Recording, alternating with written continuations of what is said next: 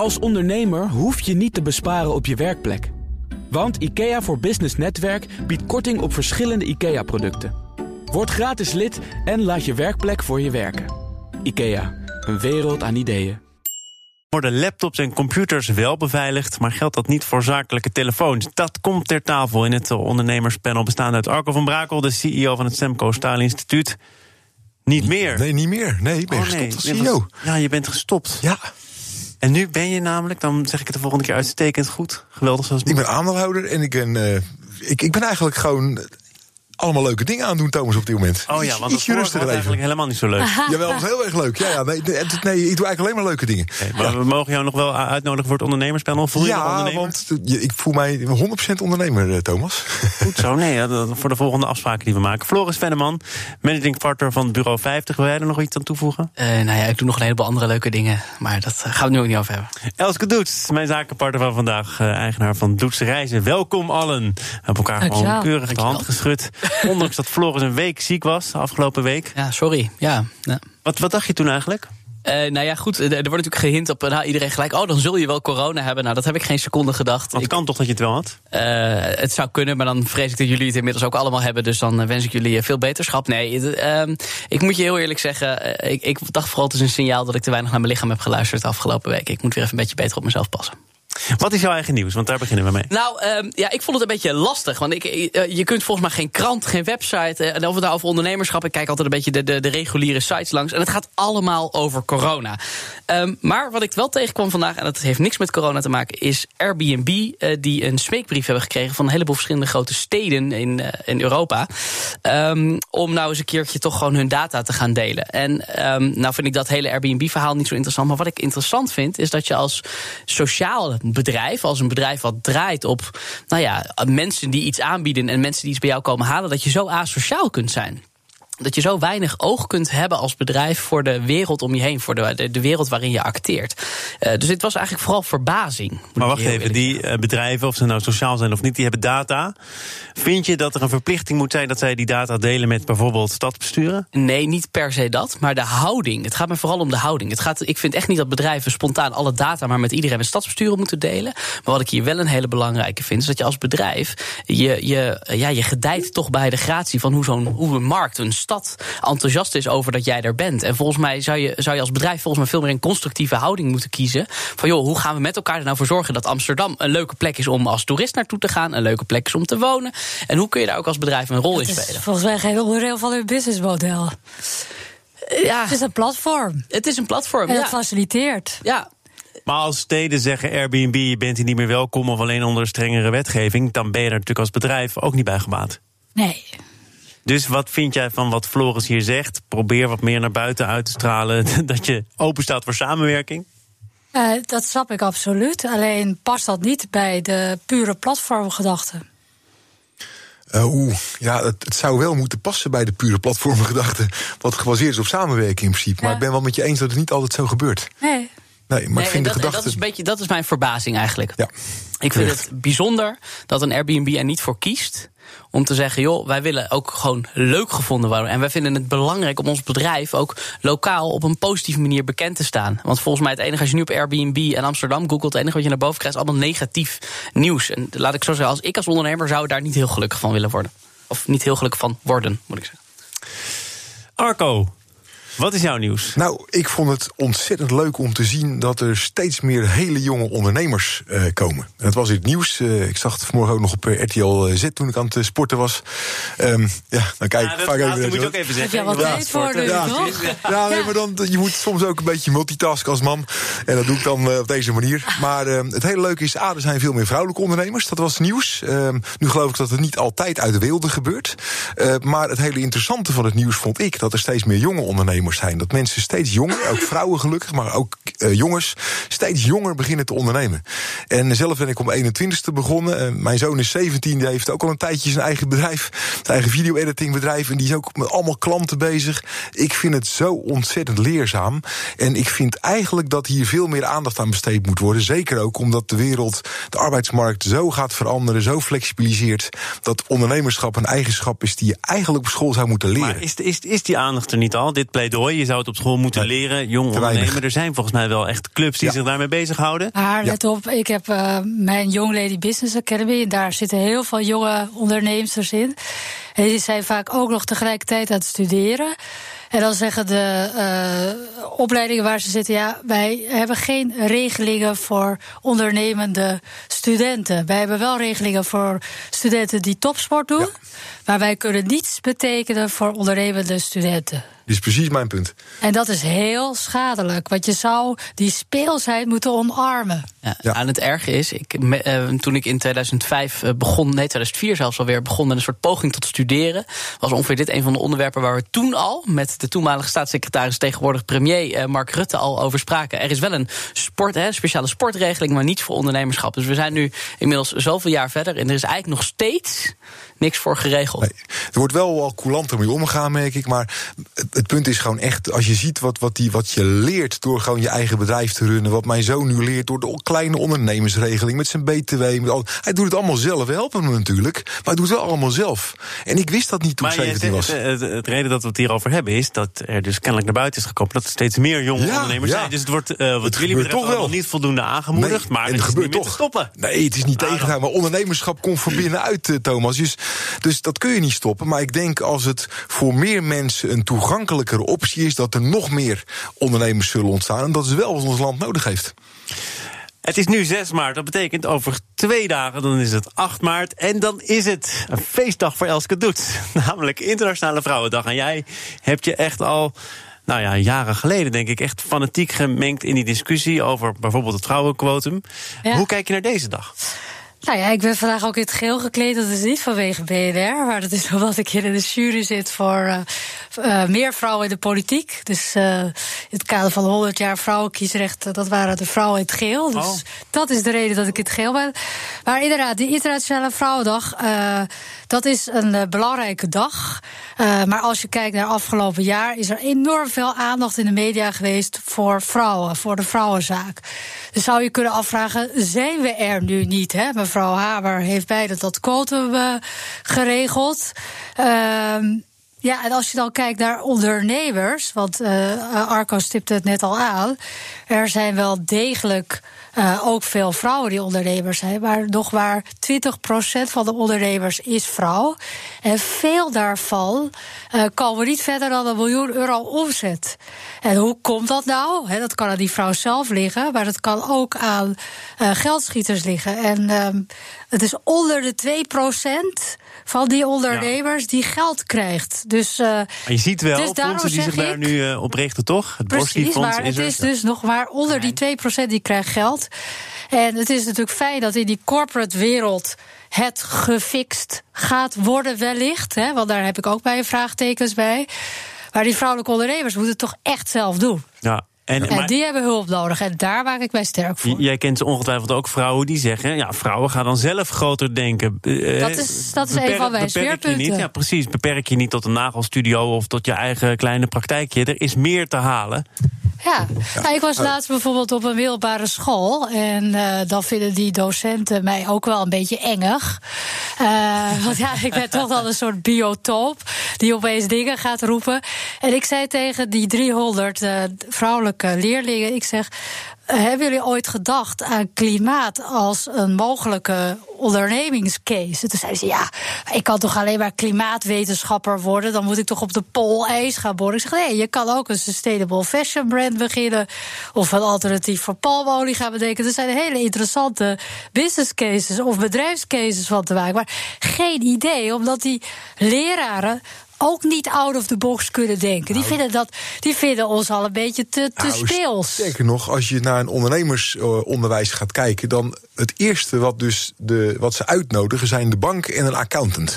En een verzekeraar. en die ja, ga je vertellen, ja, je moet niet gaan ondernemen zonder dat je verzekerd bent. Maar ja. ik denk als iemand echt een droom heeft, denkt hij heus niet bij jezelf, goh, ben ik wel verzekerd? Dat is niet het eerste wat je denkt. Natuurlijk moet je dingen goed regelen, maar niet-ondernemers denken altijd dat risico nemen het belangrijkste is voor ondernemer. Een Dat ondernemer denkt. met een frons. hè? Juist. En een frons moet je niet hebben als ondernemer. Precies, en dat is een beetje het Het is verschil. risicovoller tegenwoordig om een baan te hebben dan om ondernemer te zijn, volgens mij.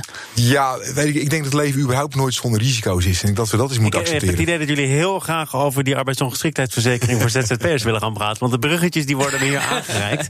Dat is eh, gepresenteerd de afgelopen week door de STAR, de Stichting van de Arbeid, Werkgevers, Werknemers, Vakbonden. Ook een aantal belangenverenigingen voor ZZP'ers. Eh Floris, jij begint er al bij te fronsen, terwijl dat toch helemaal niet eigen is aan ondernemers. Maar, Ja, jongens. eh, eh, het- oh, ik dacht, is- schreef je het woord en dan komt Nederland. Nederland op zijn smalst dit. We proberen toch ongeveer alles maar eh, weer in regeltjes en risicoafdekking. Een ondernemer is zelf verantwoordelijk om dit soort dingen te organiseren. Dat we een keertje met elkaar collectief eens een keer erover nadenken. Omdat het wel heel veel ZZP'ers worden. Misschien moeten we wat meer informeren. Hè? Moeten we mensen uitleggen wat het risico is. En dat het misschien helemaal niet zo duur is. Want en er wordt altijd gezegd, arbeidsongeschiktheidsverzekering is super duur. Nee, dat hangt er vanaf met welke voorwaarden, welk inkomen je verzekert. En je eigen medische dossier. En je eigen medische dossier. Overigens ook, hè. Dus er zijn ook heel veel ZZP'ers die zich wel willen verzekeren, maar dan wordt het echt heel duur. Of de verzekeraar zegt al: Ja. pardon, voor jou hebben we geen plek. Ja, nou ja, goed. En dan hebben we gelukkig nog tegenwoordig volgens mij ook een heleboel goed werkende broodfondsen waar je nog wat mee zou kunnen. Dus ehm, ik vind dit echt Nederland op zijn smalst. Laten we nog weer eens wat regels Maar wat is jouw voorstel dan? Er is geen, eigenlijk Mijn is jouw voor- voorstel geen voorstel. Mijn voorstel is gewoon laat het lekker bij de verantwoordelijkheid bij de ondernemer. Punt. Nou, dat is één alternatief. eh, maar dat vind ik eigenlijk niet het beste alternatief. Ehm, want eh, er zijn wel degelijk ondernemers die in de problemen kunnen, kunnen komen. Omdat het vaak toch vrij kleinschalige ondernemers zijn. En. ehm, mijn echte probleem is dat het eigenlijk weer een lappendeken van regels oplevert. Er wordt één groep uitgelicht, dat zijn de ZZP'ers. En die krijgen dan nu een specifiek type verzekering. Maar daarmee los je het probleem ook niet op. Want er zijn ook nog heel veel andere soorten ondernemers die misschien wel eigenlijk dezelfde problemen hebben. Dus waarom regel je dat niet gewoon net als de AOW en de WO gewoon voor alle werkers in Maar die Nederland? pleidooien zijn er inmiddels ook. Hè. Die commissie Ja. Borstlap bijvoorbeeld, die Ja, gaat meer uit van precies. voorzieningen voor werkenden. Juist, juist. En de reden daarvan is heel simpel. Ehm, je bent niet meer iets voor je hele leven. Vroeger had je, ging je bij, bij de PZT werken, dan werkte dan voor je, voor je leven. Eh, dat is niet meer zo. Maar je bent ook niet voor je leven ondernemer. Je, heel veel ondernemers switchen. Die zijn één, dan ZZP'er, dan hebben ze dat grote bedrijf, gaan ze op de payroll. Waarom maak je zo'n regeling niet levensloopproof? Eh, Ik ben toch benieuwd, want jij hebt zelf ook een eh, bepaald medisch dossier met eh, ongevallen eh, en ook eh, eh, geestelijk burn-outs. Hoe, hoe was jij toen verzekerd of had je dat toen niet nodig omdat je werd doorbetaald vanuit een andere regeling? Nou, ehm, ik, had niet, ik had een regeling die heet eh, dat ik een bedrijf had verkocht. Waardoor, Oh ja. Ehm, en, maar ik moet eerlijk zeggen dat ik wat eh, twijfels heb Oh, bij. Floris, eh, je lacht erbij, maar goed, dat Nee, is nee, dus nee. ja. Mooi hoe je dit formuleert. Ik kan altijd genieten als nou, je moet natuurlijk. goed, Ja. heel goed naar de voorwaarden kijken van de arbeidsongeschiktheidsverzekering. Kijk, ehm, je moet wel heel erg ziek zijn, wil je werkelijk arbeidsongeschikt zijn. En als ik dan zie dat ik vorig jaar met een. eh, ik, heb, ik heb inderdaad een keer een hartoperatie gehad, weliswaar door een sporthart, maar toch een hartoperatie. Dus ik ben- ben niet onfit, als mensen dat eh, soms denken. Nee, Integendeel. net, net nog te Ja. sporten. Ja, daarom.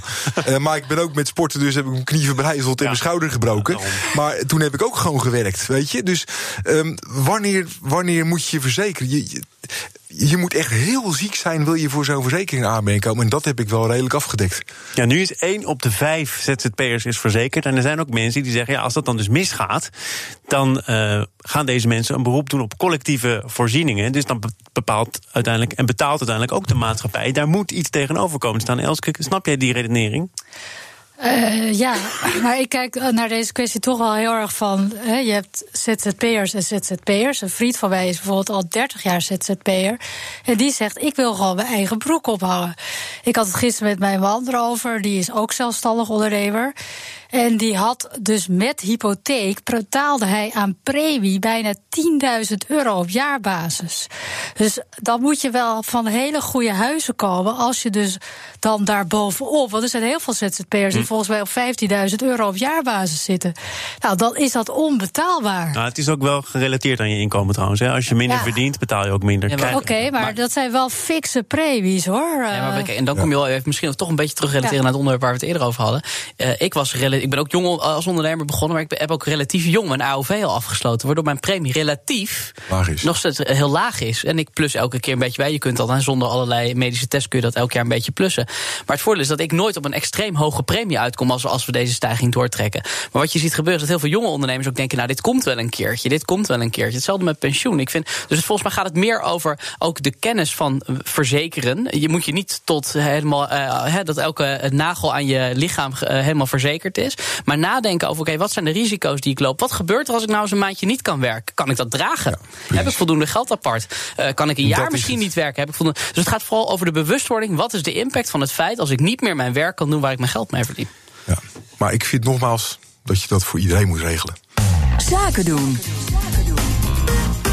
Het ondernemerspanel is de gast, bestaande uit Arco van Brakel, 100% ondernemer. Floris Venneman van Bureau 50 en mijn zakenpartner. Ook 100% ondernemer. Ja, maar ja. wel voor, voor, Bureau 50. Dus ja, het is wel verwarrend. Elske Doets is hier, mijn zakenpartner, eigenaar van Doets Reizen. En we gaan het hebben over zakelijke telefoons, want die zijn nauwelijks beveiligd. Het gaat om 60%. En als er dan al een beveiliging op zit, dan is het vaak niet goed genoeg. Dat uh, heeft BNR opgevraagd bij een telecomadviesbedrijf, Release TMS. Daar zeggen ze het is onwetendheid. En de vraag is natuurlijk, waarom beveiligen we bijvoorbeeld wel onze laptops, onze computers, terwijl de meeste mensen misschien nog wel meer zaken doen met hun telefoon, Arco? Wat is jouw verklaring? Ja, nou, ik ben even ingedoken. Ik dacht eerst ook, ja, wat is het eigenlijk raar? Maar toen ben ik weer wat in gaan verdiepen de afgelopen dagen. En dan zie je dus bijvoorbeeld dat anderhalf jaar geleden de Amerikaanse overheid eigenlijk gewoon Apple heeft gevraagd om makkelijker toegang te kunnen krijgen. En dat kon niet, omdat het zo extreem veilig is. Ja. En dan ga je verder kijken, dan blijkt het Google en Microsoft. En als je Apple, Google en Microsoft hebt, dan heb je denk ik het allergrootste gedeelte van de markt van dingen die je kunt doen zakelijk op je telefoon wel te pakken. Ja, dat zijn geen onveilige platforms. Die, die zijn gewoon beveiligd. Dus, dus waar zit dan de beveiligingsproblematiek? bij de mensen zelf. Okay, maar je vindt het dus eigenlijk, de basis is al goed genoeg? Nou, ik ben geen techneut, dus ik, ik, ik ben ook geen hacker. Uh, dus, dus ik denk ja, dat er ongetwijfeld... Ja. Maar het eigen gedrag van mensen is over het algemeen de allergrootste veiligheidsproblematiek. USB-stickjes laten slingeren heeft tot grotere lekken geleid dan hackers in veel gevallen. Maar bijvoorbeeld hele prominente mensen in Nederland die WhatsAppen niet. Nee, ambtenaren ook. Je moet proberen om zo, zo min mogelijk te dus communiceren. Dus daar zit een reden achter, zeg maar. Veiligheidsreden. WhatsApp is natuurlijk van, van Facebook overigens. Dat is ook ja. goed om te ja. weten. Ja, maar het is wel encrypted. Dus er zit ook weer iets wat wel weer veilig is in WhatsApp. Ja. En dat, dat, dat vinden vaak uh, bestuurders ook vervelend. Dat ze gewoon eigenlijk niet kunnen zien wat er gebeurt. Maar je bewustzijn van je gedrag en hoe snel informatie kan travelen, dat is wel belangrijk. En, maar dat is hetzelfde als sociale media gebruik. Mensen doen dingen op sociale media die je af moet vragen of je die zou moeten doen. En bijvoorbeeld een hele mooie regel is: als je niet op een spandoek zou zetten en ermee door de straat zou gaan lopen, zou je het dan op sociale media zetten? Als het antwoord nee is, zet het dan niet op sociale media. En misschien moet je meer op die manier kijken. Het gaat allemaal over bewustwording. Juist, het is gedrag en minder techniek. De, de reden die wordt aangehaald door, door dat bedrijf is ook een goed beveiligde telefoon, nog beter beveiligd dan de basis. Die kan ook minder. Dus dat is de reden dat mensen het niet doen. Het beperkt je mogelijkheden. Heb jij op de een of andere manier, Floris, je, je mogelijkheden in die zin beperkt? Of gezegd dat dat soort informatie haal ik weg van mijn telefoon? Nou ja, ik, ik, probeer, ik heb überhaupt zo min mogelijk apps op mijn telefoon. Ik heb überhaupt zo min mogelijk apps waar ik allerlei accounts op heb die mijn hele gedrag op mijn telefoon kunnen checken. Want hoe meer van dat soort openingetjes je in je telefoon hebt, hoe groter het risico is dat er ergens een keertje wat fout gaat. Nou, maar hij ligt nu wel zie... naast je, dus je, je hebt wel eigenlijk bijna permanent uh, contact hij, met je zakelijke telefoon. Ja, tuurlijk, want dit is, dit is mijn ja. leven. Dit is uh, de, de, de belangrijkste oh. lifeline. Oh. Nee, ja, nee, serieus. Ik, ah, daar ben ik heel van bewust. Maar ik, ben wel, ik denk wel na. We hadden het er net uh, toen we hier naar binnen liepen even over. Bijvoorbeeld internetbankieren ja. doe ik altijd via mijn dataverbinding. En ja. niet via openbare wifi. Of ja, via, ook niet zelfs niet eens via de wifi thuis. Huh? Bij hotelverbinding ga ik echt niet zitten internetbankieren. Ik doe het gewoon niet. Ja. Dat zijn dingen die moet je gewoon niet doen. Nee, maar dat heeft dus met nadenken te maken over je gedrag... in plaats van alles maar gewoon doen. Elske, wil jij hier nog iets over kwijt? Uh, nou ja, mijn telefoon is niet mijn leven, maar wel essentieel in mijn leven. Uh, maar goed, ik zit inderdaad heel veel op 4G, dus uh, kennelijk is dat dan oké. Okay, maar kijk, weet je, je moet eigenlijk dit, dit zien ook als een soort gold rush. Toen deden mensen ook hele gekke dingen. Daar moet je een beetje je weg in vinden.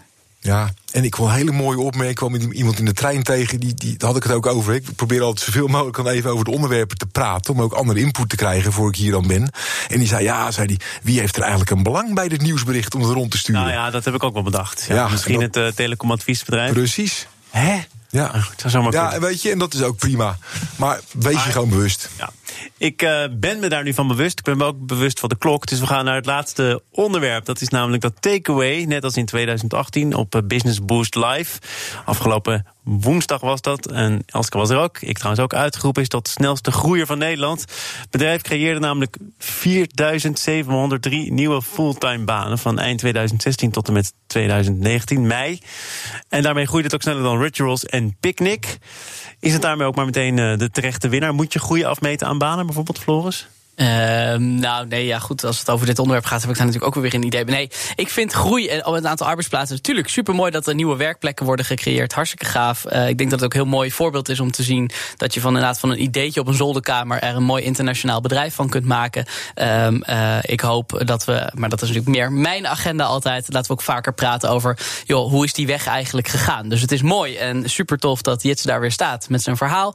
Uh, meer dan felicitaties, maar wel, ik ben ook wel heel benieuwd uh, en dat moeten we volgens mij meer gaan delen. Ook de, de, nou ja, de dirty road die er uh, aan vooraf gegaan is. En, uh, volgens mij maar Jitse Groen heeft volgens mij ook nooit gezegd... ik ben een topondernemer en ik heb toen Zeker dit gedaan niet. en dat gedaan. Het, het is ook zeker niet in richting Jitse zelf... maar het is meer even het algemene. Het, is, het gaat hier weer over de snelste groeier. Het meeste aantal banen gecreëerd. Terwijl er op, in heel Nederland heel veel bedrijven zijn... die voor zichzelf heel snel groeien. Hele goede dingen doen en mooie stappen maken. Ja, ik had een discussie over op LinkedIn met iemand... die is fel tegen groei... omdat dat ondernemers in de problemen zou brengen. Daar ben ik het niet mee eens. Maar het is wel zo dat elk type bedrijf zijn eigen groeisnelheid heeft. En um, sommige bedrijven kunnen nu eenmaal minder snel schalen en groeien dan andere, maar zijn daarmee niet minder succesvol. Dus, dus, en dit is toevallig heel schaalbaar. En nogmaals, Jits heeft het echt heel goed gedaan. Maar ik denk niet dat ik het gekund zou hebben, in alle eerlijkheid. Dus alle respect. Nou, hij doet er zelf een beetje minnetjes over. Hè? Goed idee, de tijd zat ook mee. Is ook zo. Beetje mazzel gehad. Als je, als je ziet, met Euronet wordt ook vaak over mij. Goed, dat groeit ook nou, bijna even hard als Jitsen. Maar we waren ook gewoon op het goede moment goede plek. En die mazzel moet je soms ook gewoon echt hebben. Je hebt soms een tijd even mee uh, ja. je rug nodig. En natuurlijk moet je dingen goed doen. En je moet gewoon de juiste keuzes maken. Je rekening op tijd betalen. Goed voor je klanten zorgen. Maar een beetje geluk helpt ook. En nogmaals, het ene bedrijf kan sneller schalen dan het andere. Gewoon door, door de, de aard van de business. Ik ben wel benieuwd, want uh, jij bent dus ook nog enigszins een pleitbezorger van groei, maar alles uh, in, in, de juiste proportie. Uh, maar in jouw boek gaat het vooral over impact op dit moment. En die beweging zie je steeds vaker. Je moet niet alleen maar willen groeien of ten koste van alles willen groeien. Het gaat om meer dan dat. Ja. Ja, nee, groei, ik vind groei een complimentje van de markt dat je de dingen goed doet, maar ik vind het nooit een doel op zich als ik eerlijk ben. Ik vind groei, dat is een, soms zelfs een middel om, om dingen beter voor elkaar te krijgen. Maar ik, ik vind het geen doel op zich, inderdaad. En nogmaals, um, niet elk bedrijf is geschikt om zo hard te groeien. Eh, ten koste van alles. Maar wat ik wel belangrijk vind, is welk verschil maak je. En je ziet dus wel steeds vaker nu bedrijven die echte problemen echt oplossen voor echte mensen, ook echt groeien. En, maar het begint wel bij het echte problemen oplossen voor echte mensen. Elske? Nou, kijk, uh, ik heb net het mooie boek gehad van Arco, uh, waarvoor heel veel dank. En uh, bij mij ligt nu mijn tweede boek bij de uitgever. Dat heet Bloei, het nieuwe scenario voor groei. Dus oh. dit sluit hier heel goed op aan omdat je ook kan afvragen van... Uh, is inderdaad groeien in geld of in aantal werknemers altijd het juiste scenario? Moet dat niet anders? Moet dat niet breder? He, dan kan je ook kijken naar impact. Uh, dus dus dat, dat, ik, ik kijk daar dus ook kritisch naar. Ik ben voor Edel Groeit uh, groeiambassadeur. Dus dat is een heel eervolle baan. Maar ik kijk daar dus wel met een ja. wat andere ogen naar. Want ik sluit groei niet uit. Maar dat kan soms op een andere manier. Wat, hm. ik, wat ik bijvoorbeeld ook heel ja, waar ik altijd een beetje ongemakkelijk uh, van word, als een start-up of een scale-up geen winst maakt, dus ook geen belasting betaalt. Ja. En dan wordt dus heel erg gevierd van, oh, oh, oh, wat fantastisch en wat een fantastische serial entrepreneur of whatever. Maar uiteindelijk. Uh, dragen zij niet bij aan het systeem in Nederland. Wat wel ook heel veel waarde. Ze maken hardwerkende systemen ook kapot. Ja. Hè? Ik heeft Lubach uh, laatst uh, iets heel moois over gedaan op, op zondagavond. Dat je eigenlijk toch een beetje uitlegde dat inderdaad de platforms, zoals de Ubers en de Airbnb's, ook wel veel stuk maken. Zeker. Als jij een, een taxichauffeur bent die zijn leven lang heeft gespaard om een mooie auto te kunnen kopen en te financieren om dat te doen. En je wordt voor de helft van de prijs weggeconcureerd door mensen die gewoon veel minder regels hebben die je hoeven na te leven. Kijk, hoe mooi Uber ook is als concept, helemaal eerlijk is het niet. Nee. En ik vind dat je als ondernemer ook, weet je, groei is hartstikke mooi en het, je hebt het ook nodig, maar uh, duurzame groei is belangrijk. Het is niet moeilijk om één jaar. Bloei, bloei. Ja, nee, dus dan kom je op bloei. Nee, maar dus niet op één jaar heel mooie dingen neerzetten is niet zo ingewikkeld vaak. Hè. Dat is even de mouwen opstropen. Maar hoe ga je het nou volgend jaar ook blijven doen? Het jaar daarna ook nog, zodat het ook echt duurzame groei is. Wanneer is je boek klaar? Dan kunnen jullie eerlijk oversteken. Kan je Arco jouw exemplaar geven? 22 juli wordt het uh, gelanceerd tijdens mijn vijfde Academy. Kijk eens aan. Nou, we kijken ja. naar die dag uit. Elske Doets was hier, Floris Venneman en 100% ondernemer Arco van Brakel. Ik ga er toch nog even iets op verzinnen voor de volgende keer dat je hier bent. Mijn volgende keer, dat is uh, maandag. Dan is Allard Kastelein hier. Hij is de CEO van de haven van Rotterdam. Ook daar al sporen van corona, las ik vandaag. We gaan het daar maandag waarschijnlijk over hebben. Zometeen eerst nieuws dat is de dagelijkse podcast van het FD en BNR. Gepresenteerd door Mark Beekhuis. Veel plezier, goed weekend, tot maandag. Een kleine update maakt een wereld van verschil. Daarom biedt IKEA voor Business Netwerk gratis snelle interieurtips en ideeën. Word gratis lid en laat je werkplek voor je werken. IKEA, een wereld aan ideeën.